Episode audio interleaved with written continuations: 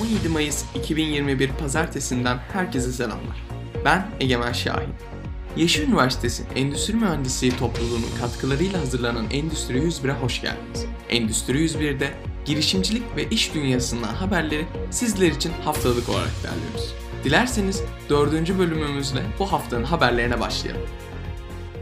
ABD merkezli otomotiv üreticisi Ford, küresel düzeyde devam eden çip krizi nedeniyle Almanya Köln'deki fabrikasındaki üretimi durduruyor. Bild gazetesinin kaynaklarına dayandırdığı ve geçtiğimiz cuma günü yayınlanan habere göre fabrikanın işçileri 9 Temmuz'a kadar kısa süreli vardiyalar halinde çalışacaklar. Habere göre Köln'deki Ford fabrikasında normal çalışma düzeninde Ağustos ayında geçilmesi bekleniyor.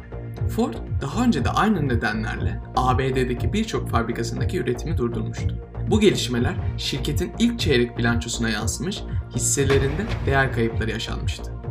BBC'nin sorularını yanıtlayan Kisco Systems CEO'su Chuck Robbins, giderek büyüyen çip kıtlığına ilişkin olarak COVID-19 pandemisinin ortaya çıkışıyla birlikte çip kullanıcılarının genel bir daralma yaşanacağını öngörüldüğünü, kendileri gibi birçok çip kullanıcısı şirketin de projeksiyonlarını bu temelde yaptıkları için çip üreticilerinin de üretimlerini düşürdüklerini vurguladı ve düşüş öngörülene karşın talebin yükseldiğini söyledi.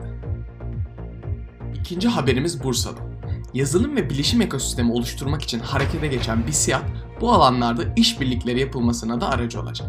Bilişim Sektörü İş Adamları ve Profesyonelleri Derneği Başkanı İdris Doğru, özellikle gençlerin bilişim alanındaki projelerinin desteklenmesi, startupların oluşması, işbirliği yapılabilecek kurum ve kuruluşların da ekosistem içine dahil edilmesi gibi projeler üzerinde çalıştıklarını ifade etti.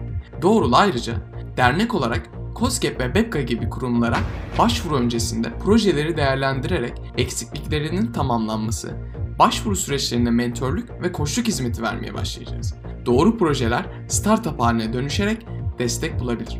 Birbirini tamamlayabilecek projeler bir araya getirilerek yeni işbirlikleri oluşturulabilir. Bursa'da bilişim konusunda bir ekosistem oluşmasını hedefliyoruz dedi. Sırada bir diğer haberimiz. Dünyanın en büyük ikinci yazılım şirketi Oracle, düzenlediği bir etkinlikte dijital reklamcılığın kurallarını yeniden yazacak bir teknoloji duyurdu.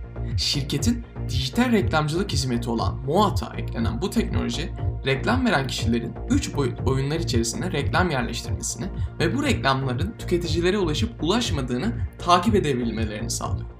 Oracle'ın yeni hizmetini biraz daha açmak gerekirse, bugün kullandığımız oyun ve uygulamalara gömülmüş reklamların yeni bir versiyon olduğunu açıkça söyleyebiliriz. Şöyle ki bir reklam veren bundan sonra reklamları doğrudan oyun içerisindeki bir yere gömebilecek.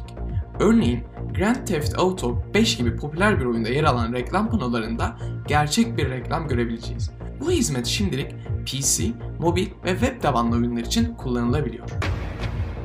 Türkiye'nin en büyük endüstriyel holdingi Sokar Türkiye, pandemi nedeniyle geçtiğimiz yıl uzaktan çalışma sisteminin geçmesine ardından kalıcı olarak esnek çalışma modelini devreye almaya hazırlanıyor. Yeni uygulamayla çalışanlarının iş özel yaşam dengesini sağlamaya amaçlayan Sokar Türkiye, yeni nesil çalışanlar için tercih edilen işveren olmayı da hedefliyor. Yeni çalışma sistemi Sokar Türkiye'nin faaliyet gösterdiği lokasyonlara göre farklı etaplarda hayata geçirilecek. İlk olarak şirketin İstanbul, Vadi İstanbul'daki merkez ofisinde uygulamaya konacak.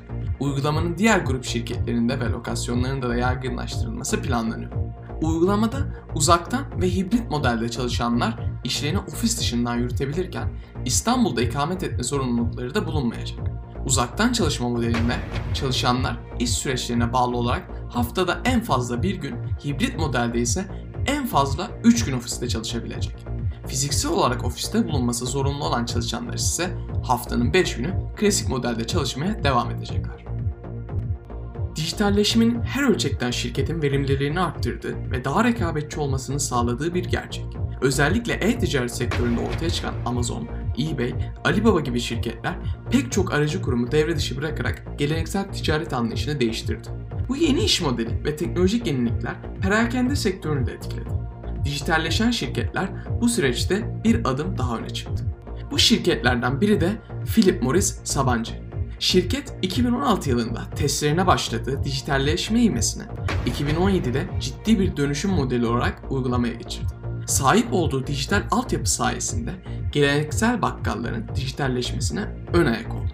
Şirket Bugün 150 bin bakkal ile ticari faaliyetlerinin %90'ından fazlasını dijital platformlar üzerinden yürütüyor ve her gün yaklaşık 60 bin bakkal dijital platformu kullanıyor. Bu önemli bir hamle. Çünkü geleneksel bir FMCH operasyonunda bu kadar sayıda bakkalın oluşturduğu havuzda tüm bakkal esnafı ile iletişime geçmek en iyi ihtimalle bir ay zaman alıyor. Philip Bonis Sabancı bunu 3 günden az bir sürede gerçekleştirdi. Böylece şirket daha çok bakkalı daha kısa zamanda ziyaret ederek iç ihtiyaçlarını çok daha hızlı bir şekilde sağlayabiliyor. Bir haftayı daha bu şekilde geride bıraktık. Önümüzdeki bölümde görüşmek üzere. Yaşar Üniversitesi Endüstri Mühendisliği topluluğu olarak hepinize iyi haftalar dileriz. Bizi Instagram sayfamızdan takip etmeyi unutmayın.